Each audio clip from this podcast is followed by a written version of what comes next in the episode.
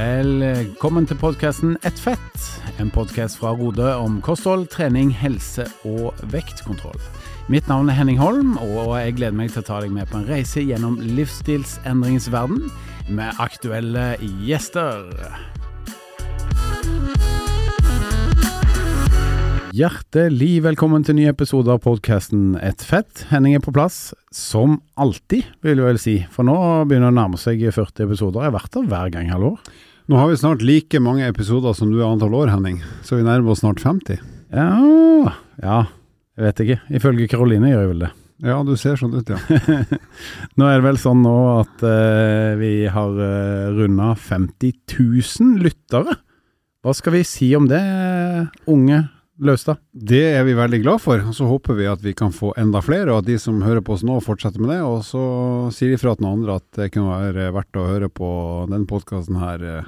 Ja, Kanskje vi skulle lansert en vennevervingskampanje? Ja, vi kan eh, gi ett norsk øre per venn som hører på minst ti episoder, kanskje. Ikke sant? Så sender sånt. pengene i posten. En god idé. Bra. Eh, hvordan er dansekarrieren din, Halvor?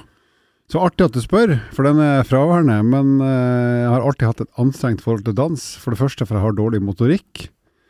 Eh, og så var jeg veldig flau da jeg var barn og ungdom, sånn i forhold til å gjøre ting jeg ikke beherska. Så da står man jo bare stille i et hjørne. Og så tok jeg mot til meg på idrettshøyskolen og gikk på et svingkurs, så da lærte jeg meg to forskjellige kast, er det ikke det heter? Eh, som jeg da brukte til det kjedsommelige de få gangene jeg har vært nødt til å danse. Svingerskurs? Ja, det er ikke lov å si på dagtid. Ja, det er svingkurs, Ok, ja ja. Altså, så jeg Mm. misunner de som er fri nok til å danse, og ikke minst er flink til å danse, for jeg er verken det ene eller det andre. Ikke sant.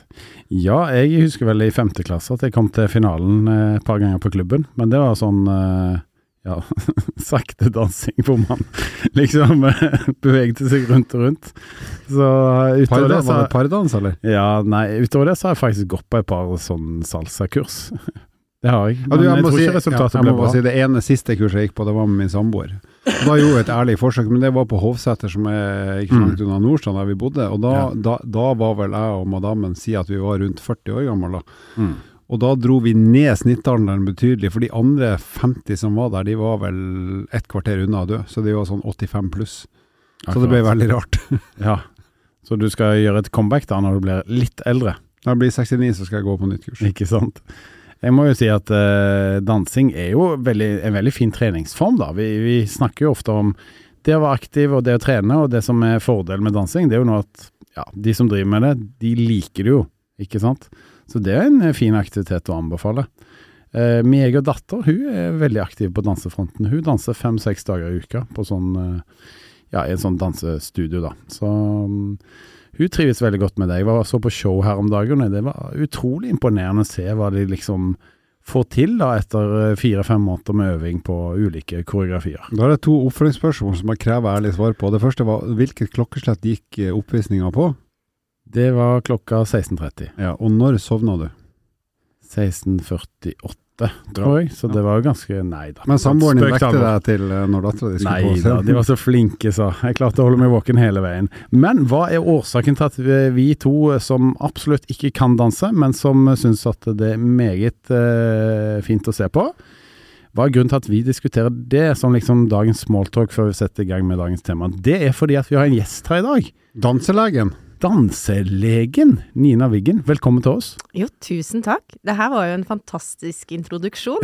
For eh, dans har jo, uh, syns jo jeg er det viktigste nesten i til livsglede, altså. Og jeg kan jo bare love dere én ting, at eh, hvis jeg kunne ha fått lov å hatt én time med dere i dansehallen, så skulle jeg ha klart å lære dere å danse ganske bra.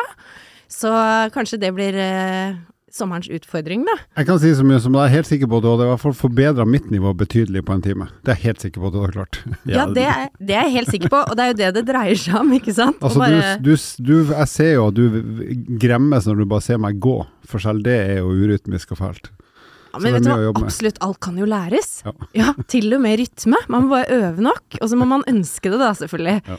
Men det som er det viktigste med dans, det er jo at det er gøy, og at det får en til å bli motivert, og det får en til å eh, være glad. Og så særlig hvis man kan danse sammen med et annet menneske, så gir det jo liksom relasjon og intimitet og ja. Yes. Så dans, det er veldig bra for Og helsa. mer til. Og mer til. Så dans er skikkelig bra for helsa. Ja, det er en treningsform vi ikke har dekka noe, tror jeg. Av en merkelig grunn. Ja, og det handler jo litt om eh, egeninteresse, selvfølgelig, og, men òg egen erfaring, som kanskje er det aller viktigste. Men det er jo en aktivitet som vi absolutt anbefaler når det kommer til å være aktiv i hverdagen. Ja ja, så må, men ikke minst, altså, hvis man syns det er gøy, så gjør jo ting som er gøy så ofte som mulig. Det er jo noe som er sikkert for å få et godt liv, det. At du Mm. har det artig oftest mulig. Jeg hører jo her nå at vi har et lite prosjekt på gang her. At vi skal ha Oi, eh, danse, danseprosjektet, og så skal vi følge opp det seinere. Lykke til. Nå tror jeg veldig mange der hjemme sitter og smiler. Lykke til. Henning og Nina, sier jeg da. Ikke sant? Ja. Men du, eh, hva er liksom årsaken til at du er danse, danselegen? Ja, nei, altså det er jo rett og slett fordi jeg har drevet med dans hele livet, og det er min lidenskap. Og så har jeg vært lege ganske mange år, da. Og, og, og jobba som eh, fastlege i mange år. Eh, spesialist i allmedisin, som det heter. Eh, Kan jeg bare spørre, hva betyr det å være spesialist i noe som er allment? Eh, når man er spesialist i allmedisin, det betyr jo på en måte å være god på det meste. Eller kunne, ikke være god på det meste, men kanskje kunne litt om alt, da. Eh, man tenker jo på en måte spesialister i medisin at det er en kirurg, eller Mm. en som kan mye om hormoner, eller en som kan mye om gynekologi. Uh, og det er også en spesialitet og en spesialistting, men, men man skal også være spesialist i å kunne litt om alt. Sånn som det å Når man er fastlege, da, så kommer jo folk med helt vanlige ting til deg. Eh, litt sånn Jeg har denne føflekken, hva tror du om det? Eller jeg har vondt i halsen, eller, Eller dårlig motorikk? Hva dårlig du om det? motorikk. ja. Ikke sant? Eh, eller, eller det kan være også eh, Jeg er så lei meg om dagen. Eller det kan være uff, jeg sliter med at jeg er overvekt, jeg har lyst til å gå ned i vekt. Det kan være mange forskjellige ting.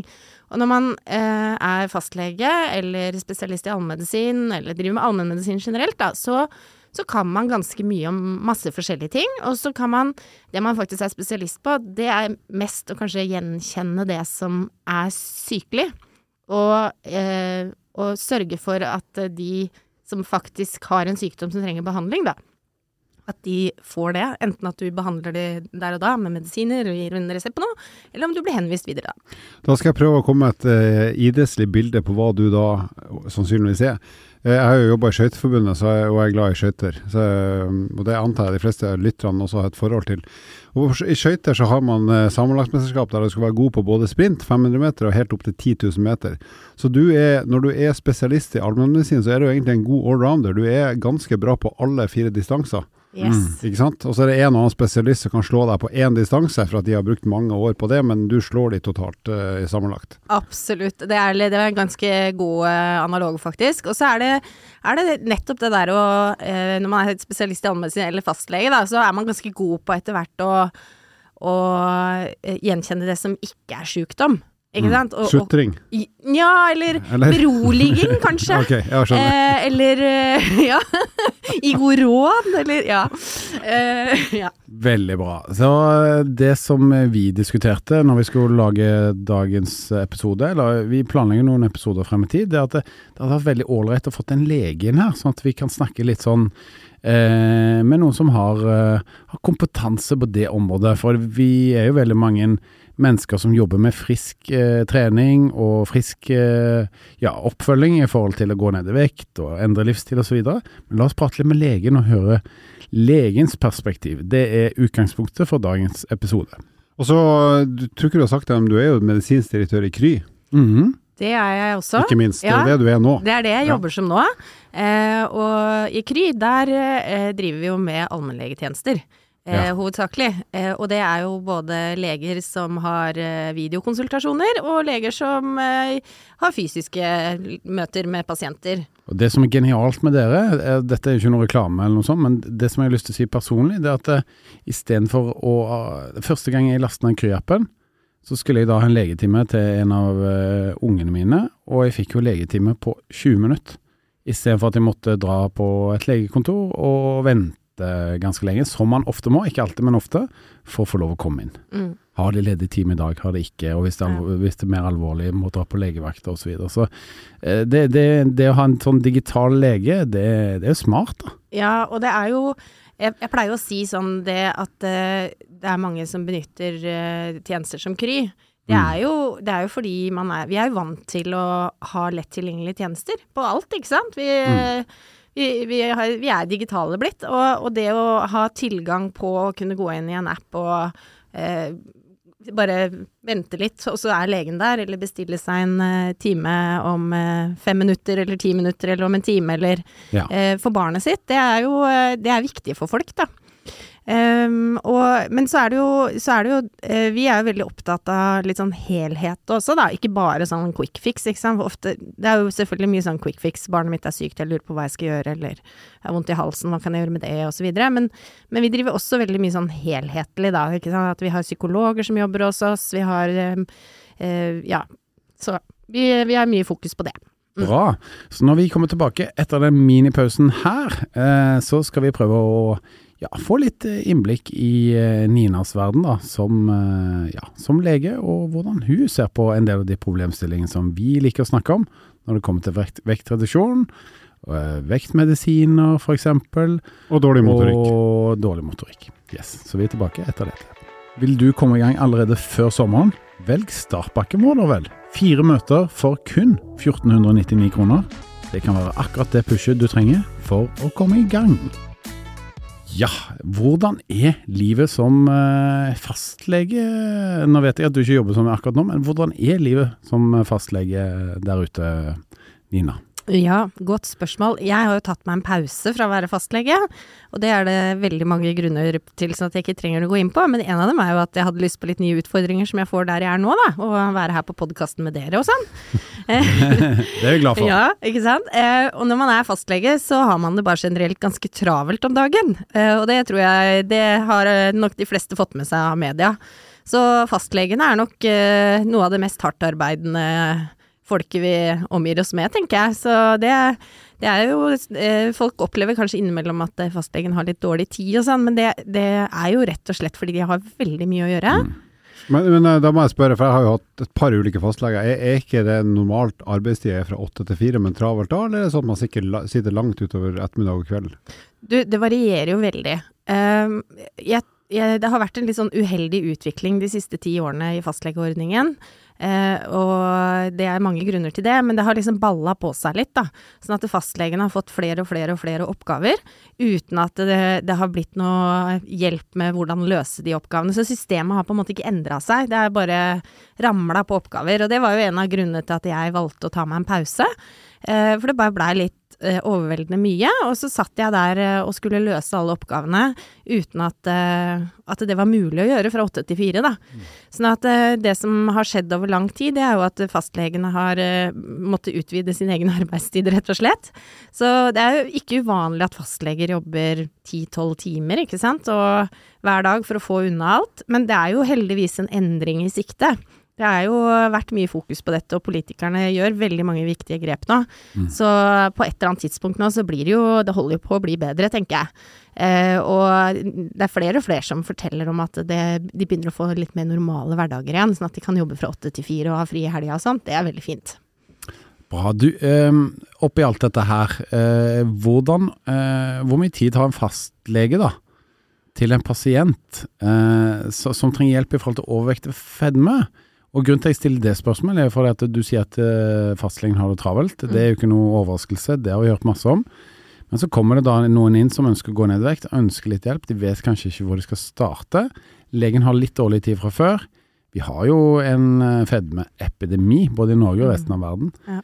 Hva, hvordan eh, løser legen det, sånn, sånn på generelt grunnlag? Nei, altså For det første vil jeg si at mange fastleger er jo utrolig flinke til å følge opp sine egne pasienter, også på dette.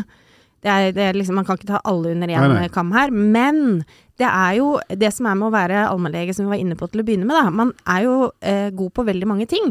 Og så er det noen ting du er veldig god på, og så er det andre ting du ikke er så god på. Og som du kanskje ikke har så mye interesse for, eller som du ikke har så mye erfaring med, eller, eller ikke tar deg tid til. Um, og sånn er det nok. Og, og, og derfor er det litt vanskelig å si hvordan det er Det er ikke likt overalt, men, men stort sett så har jo fastlegen kanskje bare 15-20 minutter per pasient. Det er veldig få som har noe særlig mer, i hvert fall. Og det er jo eh, litt begrensa hva man rekker å ta tak i i løpet av 15-20 minutter. Eh, og, og det å være overvektig eh, det er jo en problemstilling som faktisk viser seg at veldig mange syns det er vanskelig å ta opp med fastlegen sin også. Og hvorfor det er, det er mange svar på det, men, men det er nok mange som viser seg å tenke at det, nei, den overvekten min, den skal jeg ikke bry fastlegen min med. Eh, og det tenker jeg er jo Fastlegen snakker gjerne om det også, men, men det er en sånn mange tenker, da. Eh, og mange har nok kanskje eh, tanker om at jeg tar heller det overvektsproblemet mitt et, eh, et annet sted, um, og, og, kvier seg for å ta det opp med fastlegen. Um, og så er det jo mange som har kanskje dårlige erfaringer fra før da, med å ta opp uh, overvektsproblematikken sin hos legen. At de har fått høre at nei, du må bare ta deg sammen litt, eller spise litt mindre og trene litt mer.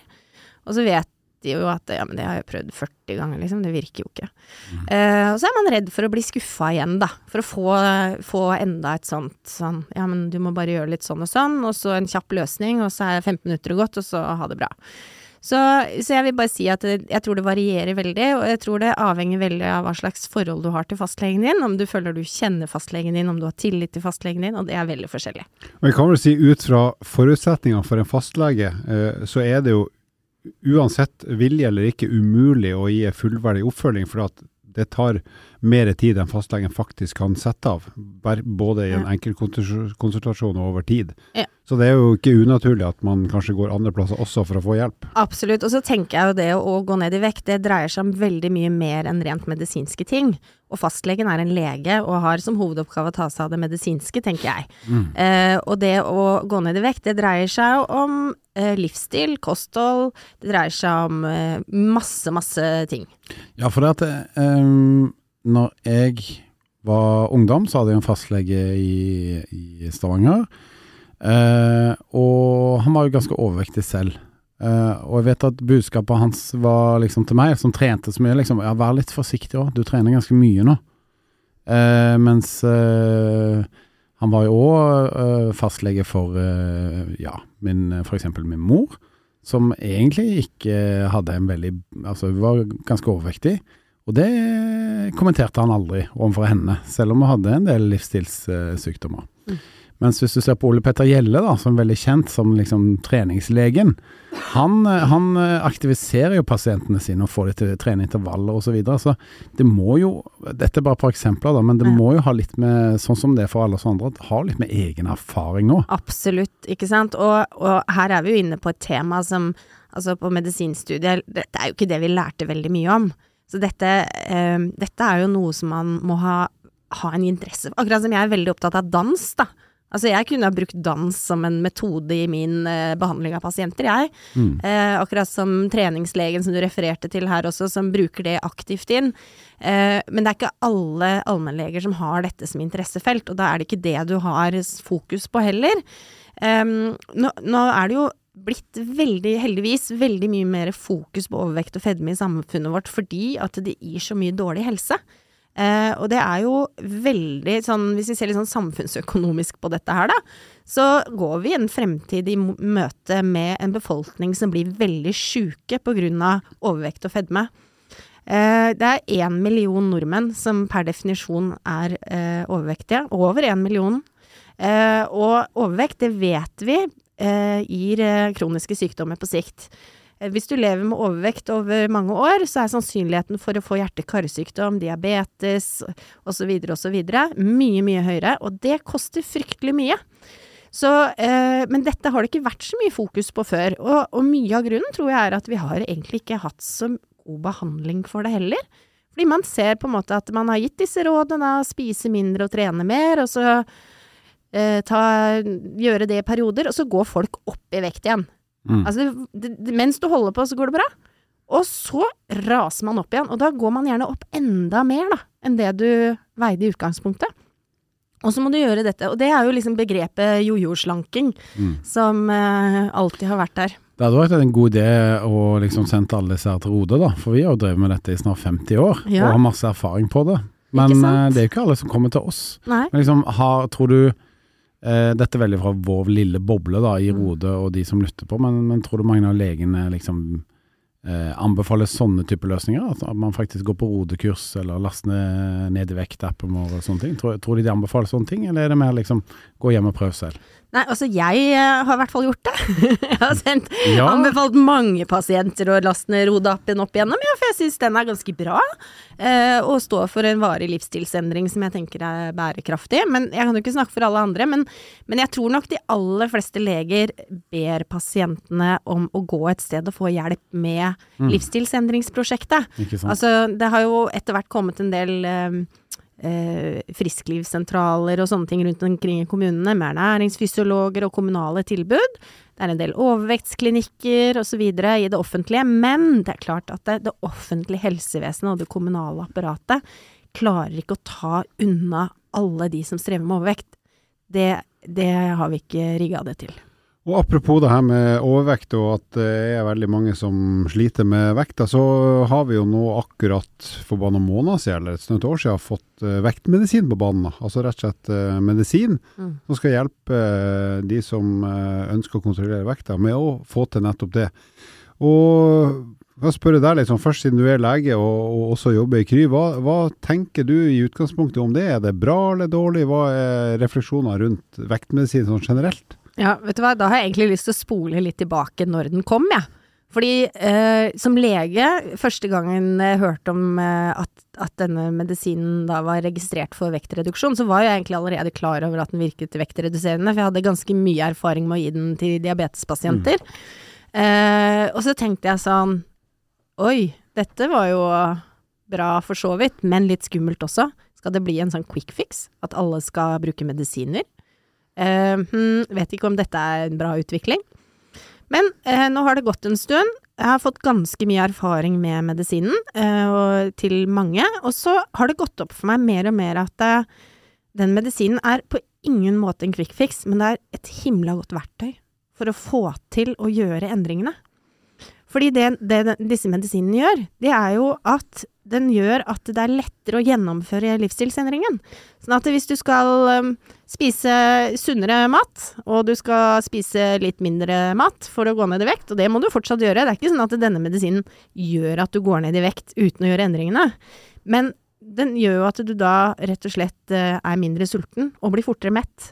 Ja, for det syns jeg er et viktig poeng. Jeg må innrømme at jeg deler veldig dine refleksjoner, for jeg har også vært litt så usikker i starten på hva er det her egentlig bra for folk, eller dårlig eller dumt, eller hvordan kan det misbrukes. Og så har jo jeg endt opp med òg litt sånn som det at det er sannsynligvis til veldig god hjelp for de som trenger det, samtidig som man må gjøre noen justeringer i livsstilen. Så, så det som jeg syns er et viktig poeng, som du egentlig akkurat sa nå, det er at eh, det å ta medisin i seg sjøl fungerer jo ikke hvis du gjør akkurat det samme som du har gjort frem til dags dato. Så de justeringene, men du skal få hjelp til at de justeringene på en måte hva skal jeg si, blir mer i takt med den eh, justerte fysiologien din, hvis det går an å si det? Mm. Eller blir det litt for enkelt? Ja, kanskje? nei, jeg, jeg tenker at det, vi er akkurat inne på det der, fordi at eh, det, I hvert fall min erfaring så langt er at når du begynner på disse medisinene, så mister du ganske sånn fort en del kilo, da. Eh, fordi ja, man får jo mindre appetitt, og liksom Du trenger kanskje ikke gjøre de store kostholdsendringene fra dag én, du bare mister de letteste kiloene med en gang allikevel, som man gjør uansett hva du gjør hvis du bare spiser litt mindre, men så stopper det ganske fort opp. Eh, veldig mange som bruker disse medisinene, de skal jo ikke ned bare 3-4-5 kilo, de skal jo ned 10-20-30 kilo. Og, og hvis du skal komme forbi det derre platået etter de første kiloene, da, de lette kiloene, hvis jeg får lov å kalle det det, så, så må du gjøre ganske store endringer. Og, og, og det tenker jeg, det er da jobben begynner. Og, da kan dette, disse medisinene være et supergodt verktøy for å klare å stå i det, nettopp fordi at du får hjelp til å ikke bli så himla sulten.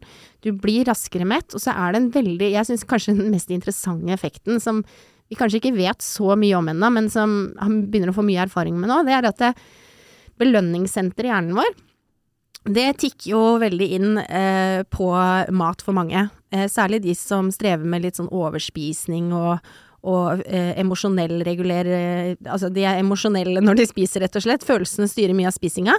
Og belønningssenteret i hjernen, det påvirkes også av dette med medisinene. sånn at du, hvis du spiser noe skikkelig god mat og ikke bruker medisinene, da, så, så blir man liksom åh, dette var kjempegodt, jeg fikk en kjempegod følelse og liksom er med Men, men det er akkurat som belønningssenteret blir litt dempa.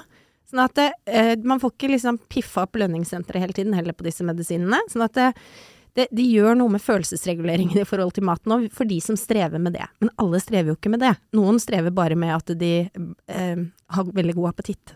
Så det er jo eh, Denne medisinen hjelper på mange elementer for de som strever med å ikke klare å Mm. spise riktig og lite nok, da.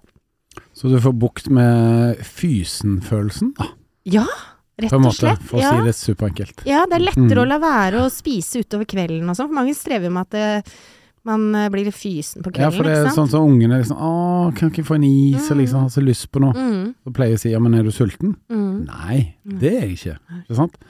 Så vi mennesker er jo på mange måter et av veldig få dyr, for å kalle oss det. Vi er jo Mm. mennesker, ikke dyr, men, men som faktisk da spiser når vi ikke er sultne. Mm. Så det ligger noe der. Men uh, som fastlege, eller tidligere fastlege, er det, i og med at det her nå er det jo så utbredt både med overvekstproblematikk og også medisin, er så godt kjent at alle vet om det. Er det noen eh, standard for hva en fastlege skal synes om vektmedisin, og hvordan man skal bruke det? Altså Jeg vet at det er retningslinjer for hvem som skal få det i forhold til sånn uh, skrive ut resept, men er det noe generell enighet eller praksis rundt i, blant fastleger på hvordan, hvordan skal vi bruke det, og hvordan, hva Mm. syns vi om det? Nei, det er det ikke enda. Um, jeg, eh, det som er viktig for legene, det er jo å forholde seg til det vi kaller indikasjon. Det er jo et veldig merkelig fremmedord. Men det dreier seg jo om eh, rett og slett hva forskningen viser at dette er nyttig å bruke det til.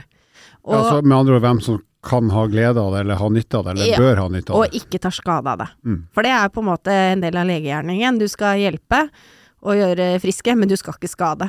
Så det å eksempel gi denne vektmedisinen her til eh, normalvektige som bare ønsker å gå ned en tre-fire komfortkino, det er langt utenfor indikasjon og hva vi ikke skal drive med, tenker jeg. Så derfor så er jo eh, Det er, blitt, er en grense på at man skal ha denne BMI-en da, på over 30 for å kunne bruke den og ha nytte av den og ikke ta skade av den. Eh, eller BMI på 27 eh, med en tilleggssykdom. Det vil si at hvis man, hvis man har høyt blodtrykk for eksempel, da. Eh, eller ja, noen har jo diabetes, da får de kanskje den av grunn til det, men men eh, hjerte-karsykdom, altså sånne følgesykdommer. Nå må jeg bare si det at BMI 27 er jo ikke veldig høyt. Det er jo ikke langt fra normalvektig, eh, men man kan altså vurdere det allerede fra BMI 27 hvis man har tilleggssykdommer. Jeg har jo BMI på 26 halvår. Eh, Burde jeg eh, da vurdere dette? Det si? Jeg tror du kan ta skade av enhver medisin, også, også, også hostekraft. Det er for det er BMI sin store svakhet, fra spøk til alvor, Ja. det er at hvis du har litt muskelmasse, eh, så spretter du høyt opp på BMI-skala, men det betyr jo ikke at jeg er i kategorien i det hele tatt her. Og det, her er du inne på noe superviktig, og det er jo nettopp det at legen skal jo bruke sitt kliniske skjønn her, ikke sant. Dette er ikke en vektskala om du skal er innafor eller utafor om du skal ha medisiner. På ingen måte. Eh, og, og jeg vil jo anta at mange med BMI på 32 kommer til å komme til legen sin og be om medisiner, og kanskje gå ut og være litt skuffa, fordi at eh, legen fra et klinisk skjønn eh, tenker at her må vi gjøre noen andre ting først, i hvert fall. Og, og det, det, det tenker jeg er viktig å ha med seg, at uh, igjen, dette er ikke en quick fix, det er alle endringene rundt som er viktig. Jeg bare spørre, for Du nevnte det her med å ikke ta skade av det. Da blir jeg nysgjerrig. Altså, eh, kan man ta skade av å bruke vektmedisin hvis man f.eks. har eh, BMI under 27 eller 25, eller er det generell skaderisiko uavhengig av vekt? Nei, altså bivirkningsprofilen til disse medisinene er jo eh, veldig liten, vil jeg si, egentlig. Og det er jo veldig Jeg tror legemiddelprodusenten sier noe sånn om at det er 50 som opplever bivirkninger. Så det er jo egentlig ganske lite. Og, men det skal også sies at det er jo bivirkningene som gjør effekten, da. Hvis du går og er litt sånn småkvalm, så spiser du ikke så veldig mye. Så, eh, så det er jo litt Jeg har sånn alltid tenkt at liksom småkvalm pluss en sånn god bolle med mac and cheese, det går jo sammen. Gjør det ikke det, Halvor? Nei, vet du hva, jeg må være helt ærlig, mac and cheese, jeg syns det er ekkelt. Ja, det var derfor jeg Ja, valgte ja det er skikkelig ja, ja, ekkelt. Jeg synes jeg må, jeg, det får jeg ikke til. Men Nei, men det, det er jo som du sier her, da. Ja, Man har ikke lyst veld- på noe. Nei, det er veldig Nei. selvforsterkende. Og hvis du går og er litt sånn småkvalm Og det er akkurat som disse medisinene forteller kroppen din litt om at du må spise litt mer eh, grønnsaker. Og jeg vet dere ikke liker grønnsaker, for det har jeg hørt på en podkast dere har snakket eh, Men, eh, men Liker det nå? ja. men, Eh. men, men det er akkurat som at eh, du får lyst på litt annen mat òg, da, hvis du har disse bivirkningene. Eh, det, det er ikke mac and cheese som står først. Men, eh, men i hvert fall det med BMI, tilbake til det, da, så tenker jeg at eh, BMI er ikke fasitsvaret om du skal ha medisiner eller ikke, på ingen måte. Men det er helheten. Om du trenger verktøyet eller ikke for å lykkes med vektreduksjonen. Ja. Mm. For det at det, det, som du er inne på, da, at selv om man går på denne medisinen, de første kiloene kommer billig, da, for å si det sånn, men du må jo fortsatt spise sunt. Eh, så jeg vil jo faktisk si at eh, dersom man, man tenker at medisin er løsningen, og eh, så, så vil jeg jo fortsatt anbefalt et rodekurs. Jeg vil jo si at det er faktisk å slå de to tingene sammen sånn sett, da. For de som ikke har lyktes med en vektreduksjon tidligere, kan faktisk være den optimale løsningen. Tror du ikke det, Halvor? Ja, for oppfølginga. Uh, helst ikke bare kurs, for de er tidsbegrensa, men å få et medlemskap å og få oppfølging over lang tid, om det er hos Roder eller andre, men i hvert fall få en sånn langvarig oppfølging Ja. i, i ulike faser av prosessen, som det er å gå ned i vekt og kontrollere vekt. Ja, for du får, må jo fortsatt spise sunt, og du må spise færre kalorier eh, enn det du forbrenner i løpet av døgnet for å gå ned i vekt. Det er jo ingenting som endres i forhold til eh, den formelen der. Og så- ja, og det er akkurat det jeg må, det jeg må si jeg har fått respekt for og innsikt i etter at jeg begynte i Rode, det er jo det her med at det å gå ned i vekt er ikke bare å gå ned i vekt, for det er det å Hva skjer når du har gått ned i vekt, om det er 3 kilo, 10 kilo, 20 Det er for det. For du er jo ikke ferdig da, da har du Mm. kommet til et nytt punkt, og så Ja. skal du gjøre noe annet resten av livet. Så det er, det er akkurat den der eh, For min del store læring at det er veldig Du skal jobbe over lang tid før ting sitter Ja. og fungerer, og, og det kan være veldig lurt å ha oppfølging også når man har kommet ned til den vekten man trives med, for det er For det, en, en annen type prosess som begynner der og da. ja, for det syns jeg er litt sånn snodig òg. At eh, det virker som hele verden er så opptatt av denne første tiden av en vektreduksjon. Men det er jo egentlig en maraton å gå ned i vekt, mens eh, hele verden bare snakker om de tre første kilometerne. Mm. Og dere er jo inne på noe der, for jobben begynner jo virkelig når du har gått den, når du nesten er i mål. Mm. Når du har igjen de fem siste kiloene, ikke sant.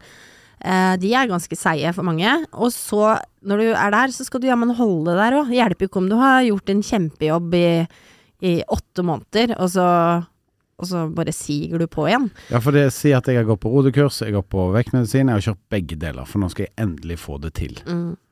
Og så etter et år så har jeg gått ned 15-16 kilo, Mm. og jeg slutter på medisinen, jeg slutter på rodekurset, for nå tenker jeg at jeg skal klare meg selv. Det går sjelden bra. Sier du det? Jeg har Ja. investert så mye penger, jeg har brukt tusenvis av kroner på medisin, Ja. jeg har uh, hatt et rodemedlemskap, ikke sant? Da, Eh, og da viser jo forskningen det at nesten alle går opp igjen. ja. Og det er jo kjempeskummelt, ikke sant? Fordi at uh, da har du jo brukt et år av livet ditt og strevd deg gjennom, og, og, så, og så er du tilbake til stage one igjen. Um, og det er jo der på en måte legemiddelprodusenten mener da, at mange kan faktisk ha nytte av å bruke disse medisinene over mange år. ja. Fordi at eh, hjernen vår og kroppen vår, um, den tar mange år å stille seg om, for noen kanskje aldri. Uh, fordi vi har lært oss til et spisemønster, og kroppen vår higer etter å komme tilbake til det. Det er evolusjonsteori, vet du. Og det, det, jeg må bare si det at det, der er det på en måte det som er litt med disse medisinene. Du har gått et rodekurs, da. Et år på Rode, ikke sant. Er på den målevekta du skal. Og så tenker man 'nå er jeg i mål'. Og så hva da? Jo, så slutter man på medisin. Og da kommer jo sulten tilbake for fullt. Mm. Og det er jo kanskje hvis jeg, Det er lov å si nedsiden. Noen, altså det er faktisk sånn at det, noen må nok kanskje bare erkjenne at de trenger den medisinen i mange år. Og så vidt jeg har skjønt ut fra debattene og uten at jeg er medisiner, så er vel perspektivet for veldig mange at det her er noe jeg skal bruke resten av livet, altså den medisinen. Ja, altså Selv, selv om man ikke har studier på resten Ja. av livet, for det Ja. går jo ikke foreløpig, men at det er sannsynlig. Ja, jeg liker jeg, jeg lever jo i håpet, da. Om at uh, man kanskje etter hvert, når man har noen år fram i tid, finner ut at det, det finnes måter å trappe ned, og at man kan leve medisinfritt, uh, kanskje.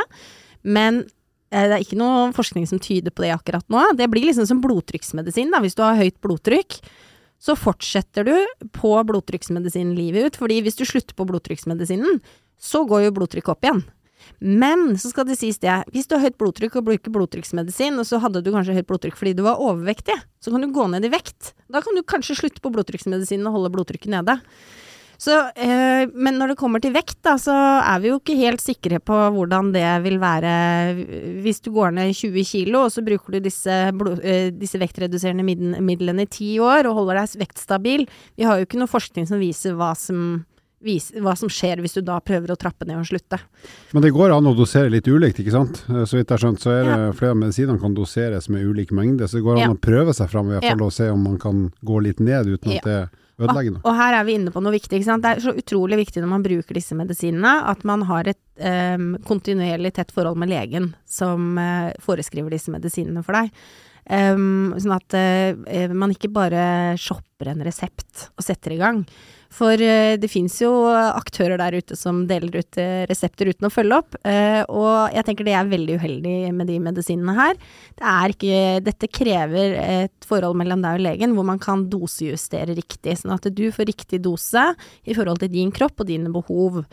Eh, og, og det å, å bruke dette det medisinen som et verktøy i samarbeid med lege, det er helt avgjørende for å lykkes, tror jeg, da. Der sa du stikkord resept. Blå resept. Det har vært mye snakk om. Veldig mye snakk om det. Hva er det for noe? Nei, altså blå resept betyr jo at uh, folketrygden dekker utgiftene nesten. Altså ikke helt, du må betale egenandel, men nesten. Og det ene vektreduserende medikamentet som er på markedet, eh, eller to av de, eh, fikk jo, ble dekt av blåreseptordningen eh, fram til eh, i vinter en gang. Og så kom det et tredje vektreduserende middel på, eh, på eh, banen, markedet, rundt nyttår. Og av pris, og, eh, og at viste, Legemiddelverket mener at det ikke finnes nok bevis da, på at det forebygger eh, eh, kronisk sykdom, så ville man ikke innvilge blåre, altså, folketrygdens blåreseptordning på den, og så forsvant også på en annen. Så det var mye greier rundt der. Eh, og, så akkurat nå så er det kun ett vektreduserende middel man kan få innenfor blåreseptordningen, men det er jo ikke det beste. Det beste er jo det som kom i vinter, som man ikke får på blå resept. Og det har jo skapt ganske mye debatt, for det var veldig mange mennesker som plutselig måtte slutte av økonomiske grunner og har rast opp i vekt igjen. Kjempesynd. Men på en annen side da, så må vi kanskje løfte blikket litt og se litt samfunnsøkonomien i dette også. Dette er dyre medisiner som inntil én million av eh, nordmenn kan ha på en måte rett på å få på blå resept. Eh, og de har anslagsvis eh, sett at det vil koste statskassa vår fire milliarder å budsjettere det. Det er mye penger Men hva koster det sånn cirka å gå på. å gå på disse medisinene? Vet vi liksom 3000 aktig i måneden, er det ikke? Ja, det kommer litt an på dose, faktisk. Ja, Ja, ja. men uh, Cirka, ja. ja, Så hvis sånn vi for eksempel 3000 pluss minus, ja. Litt Ja. avhengig av dose. Ikke sant? Mm. Og det betyr da, hvis vi da tar den her med blå resept, det betyr at hvis den da er på blå resept, og jeg skal bruke 3000 kroner i måneden, hvis, hvis jeg får den medisinen på blå resept, så slipper jeg unna med økonomisk kanskje jeg vet ikke, 300-400 kroner istedenfor 3000. For Ja. at da er den vesentlig billigere, fordi at det offentlige mener at det her skal du få billigst mulig fordi at du trenger det, og det er godt dokumentert at det fungerer. Ja. Det litt uh... Ja, du får det i hvert fall eh, da opp til frikort, da, som maks i løpet av et år. Ja, for vesentlig billigere. Ja. Ja. så dette blir jo politikk og prioriteringer i norsk økonomi, tenker jeg. Til sammenligning da, så bruker uh, norske folketrygden ca. 12 milliarder i året på, på sånne medisiner. Og hvis, hvis vi skal inn her og bruke 4 milliarder ekstra på dette, så er det klart at det, det tenker jeg er opp til politikerne å bestemme. Ja, jeg har vært personlig trener i veldig mange år, Halvor. Det har du òg. Bare hyggelig. de som trener fast med en PT, de trener gjerne én gang i uken. Det koster jo noen hundrelapper. Den, det er jo ja, mellom 700 og 900 kroner, kanskje. Som Omtrent- snitt, som oss. snittpris. Eh, og hvis du da har det fire og en halv gang i måneden, noen måneder er det fire ganger, andre ganger fem, eh, pluss et treningsmedlemskap f.eks., så ja, da ender du kanskje opp da på ja, 3000-4000 kroner i måneden, pluss et medlemskap kanskje det koster 500 kroner eller noe sånt. Du, du er nord for 4000 da, eh, Mm. på månedlig oppfølging. Så hvis du da ser for deg, bare sånn et enkelt eksempel her, jeg har rodeoppfølging f.eks., eh, til en eh, ja, Tusen, tusenlapp. i tusenlapp i måneden. Jeg har eh, medisiner til ja, rundt 3000, kanskje litt under. Eh, og så har jeg legeoppfølging i tillegg til, til noen hundrelapper. Jeg er et eller annet sted mellom 4000 og 5000 kroner her totalt, da. Men eh, ja, det er mye penger, det er dyrt. Folk har litt dårligere råd enn de hadde før. Men hvis jeg har et uh, helse, helseutfordringer, jeg har en overvekt som er ganske stor uh, Det er jo det er mye penger, men det er jo en investering som kan være den beste man virkelig kan ha gjort i, i løpet av livet sitt da, når det kommer til egen helse. Jeg er helt enig med deg, og dette er kjem... Altså, det er veldig mye rart vi bruker penger på. Altså, jeg bruker i hvert fall veldig mye penger på tull og tøys, eh, og det vet jeg veldig mange andre gjør òg. Men det eneste som jeg har bare lyst til å si, det skaper jo eh, sånn eh, Hvis en politiker hører det, det skaper jo eh, veldig eh, ulikhet i helse hos folk, da. Det For det er ikke alle er som har råd til å betale de Nei. pengene, men nå er vi et rikt land i Norge, veldig mange har råd til det. Og så må jeg også si det at eh, disse medisinene, de er ikke dyrere enn at du sparer det fort inn på matbudsjettet, da. Ikke sant? Ja, ja. Det er jo faktisk sant, Ja. for du spiser For mat er også Mm. veldig dyrt. Jeg må bare grave siste i forhold til resept. For mot, det motsatte av blå resept, er det hvit resept? Eller er det bare liksom at blå resept er Ja. uttrykket for at du Ja. får Veldig rart det der hvit-blå resept. Det henger fra Vi Det var fra sånn gamle dager. Er, når vi hadde Når jeg begynte som lege, så var jo ikke resepter elektroniske. Vi har ikke hatt elektroniske resepter så himla mange år, faktisk. Men da er det altså Hvit resept var et hvitt ark, og blå resept var et blått ark. Ok. Så det er der det henger fra. Riktig. Da har du lært noe i dag òg, Halvor. Men ja, kanskje Jeg er fornøyd ennå. Takk for meg. Ja. Da er det bare noen dansetrinn, da, så er vi der. Eller hva? Hvilken dans vil du lære deg? Den enkleste som fins. Hva er det, da? Ja, hva er det? Altså, det, det, er kommer an på utfordringene, om det er rytme eller koordinasjon. Ja, Han har jo vært på det begge før. Det er begge deler. Mm. Da skal jeg tenke litt på Jeg vet hva, Reinlender tror jeg kanskje jeg fikk til på idrettshøyskolen. Ja, Er ikke det stort nesten egentlig som en marsj? Jo, jeg vil Litt sånn si det. bestemt gange. Og så ikke, snu 180 grader av og til. det er kanskje ikke den dansen som gir meg mest glede, så når vi skal teste ut dette her, så kan vi velge en som gir litt mer glede. Ja, for deg, ja. Ja, greit det. Du kommer til å synes det er gøy. Ja, helt sikkert. Helt sikkert. Men eh, som siste spørsmål her, som jeg håper, håper på et svar på, um, som heter det beste for både meg og for oss, Halvor. Er det mulig å gå ned i vekt like effektivt uten bruk av vektmedisin? Eh, Når du sier effektivt, mener du like fort, eller like varig, eller For dette er et litt eh, interessant spørsmål. Mm, Jeg Eh, mener nok begge deler. Ja, altså eh, til syvende og sist når du skal gå ned i vekt, så dreier det seg om eh, å innta mindre kalorier og bruke mer. Altså den mekanismen har ikke endra seg selv om man bruker medisiner. Eh, de aller fleste vanlige mennesker syns jo dette er utfordrende. Mm. Eh, så eh, de aller fleste vanlige mennesker vil jo synes det er mye mer effektivt å bruke medisiner. For da går man ikke like lett på en smell i ny og ne. Eh, og da går det jo litt fortere og mer effektivt. Eh, og, men det er særlig den derre det å holde vekta, da. Altså det er For de aller fleste vanlige mennesker dreier vektreduksjon seg om em, veldig mye. Eh, det dreier seg om stress. Det dreier seg om søvn. Det dreier seg om emosjonell regulering. Mm. Um, så det, jeg, vil, jeg vil si at det å uh, ha overvekt, det er komplekst for hvert enkelt menneske. Um, og det er helheten man bør jobbe med, og så kan man bruke de verktøyene som er tilgjengelige. Og da tenker jeg Rode-appen og et Rode-kurs er ett verktøy. Medisiner er et verktøy. Eh, noen trenger en psykolog. Eh, noen trenger coaching. Altså, det er, det er, man trenger litt forskjellig. Veldig bra svar. Og da skal jeg lede Det leder meg inn i noe som jeg har lyst til å fortelle lytterne om. Eh, dette ble jo litt sånn eh, bitte litt produktplassering, men jeg syns det er verdt å nevne at vi har jo da et samarbeid så, som vi har akkurat lansert med dere i Kry. Så vi har et medisinsk medlemskap i Rode, og det går helt enkelt ut på at du går på Rode-oppfølging. Eh, og du har inntil fire møter i måneden. Vil variere litt i forhold til et helt år når du bruker de, inntil 40 møter per år. Men, eh, men du møter da veilederen din i Rode relativt ofte, og oftest ukentlig. Men eh, du har òg digital oppfølging fra en lege, Rodelegen, gjennom Kry. En gang i måneden digitalt for å få medisinsk oppfølging i tillegg. Og jeg vil jo si at dette er faktisk litt sånn banebrytende, altså. For det, det er den første aktøren i Norge som har muligheter for både å få oppfølging på den gode, tradisjonelle rodemetoden, samtidig som man får medisinsk oppfølging av en lege. Og det fine med den medisinske oppfølginga, den er jo det er jo kunden sjøl eller medlemmet sjøl som definerer til enhver tid hva trenger jeg hjelp til av legen min den måneden her eller nå? Er det noen plager jeg har i forbindelse med overvekt, eller er det en medisinering i en eller annen grad, Mm. er det noen sykdom jeg har fått? Altså, så det er jo en utrolig god eh, legetjeneste som treffer på det medisinske du behovet du har egentlig til enhver tid. Ja. Så hvis noen syns at dette var, dette var litt spennende, så ikke vær redd for å se på rode.com. Og det som er litt ekstra fint med det her, syns jeg, det er at vi har lagt opp sånn at det skal være en kontinuerlig oppfølging. Sånn at du har muligheten til å treffe rodelegen din. Det er ikke bare hvilken som helst, det er en lege du får et forhold til over tid. Ja. Du, og, og, og ikke minst det at den eh, legen har jo anledning til å hjelpe deg med kompleksiteten, og gi deg råd ut ifra det. Og hvis det er nødvendig å ta blodprøver, så kan de faktisk hjelpe til med det også. Og som regel trenger vi ikke det, men det går an å få til. Og det er du, trenger, du kan bo i hele Norge, vi gjør det digitalt.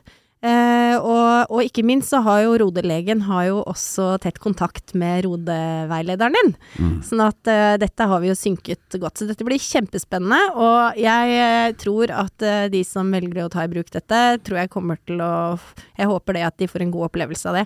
Og så vil jeg bare si, dette er jo et supplement til fastlegen din. Det er jo ikke en erstatning på noe som helst Nei, måte. for det er jo en lege som har peiling på livsstilsendring. Yes, det er det. Og det er en uh, allmennmedisiner, men eh, kan hjelpe deg med ganske mye, men ikke alt. Så det er ikke en erstatning til fastlegen.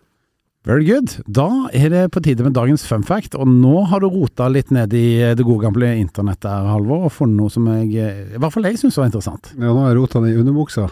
Det har du faktisk. Min, min og din, holdt jeg på å si. Ja. Ja da, nei, vi har jo snakka litt om eh, blå resept, og nå skal vi snakke om en Er det ikke blå pille, er det ikke det? Det blir kalt av de som visstnok har brukt det. Jo da, eh, fun facten er jo eh, rett og slett at Viagra, et eh, legemiddel vel, eh, kan brukes til å erigere mer enn penis.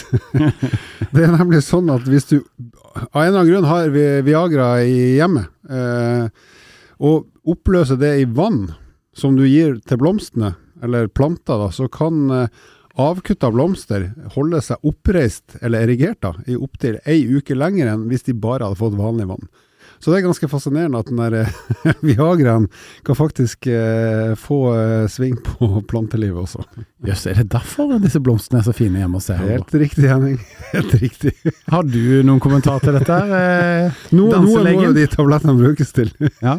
Altså, danselegen her hadde ikke kunnskap om dette fra før i det hele tatt, men jeg må jo si jeg ble veldig nysgjerrig, så det burde jo nesten testes, eller? Skal, skal jeg gi dere et lite praktisk tips òg? Det er at bare en milligram av det her legemiddelet, eh, som er en, eh, som, altså en vanlig dose er 50 gram, men et milligram av det her legemiddelet er altså nok til at de her plantene står i stram i vakt i ukevis.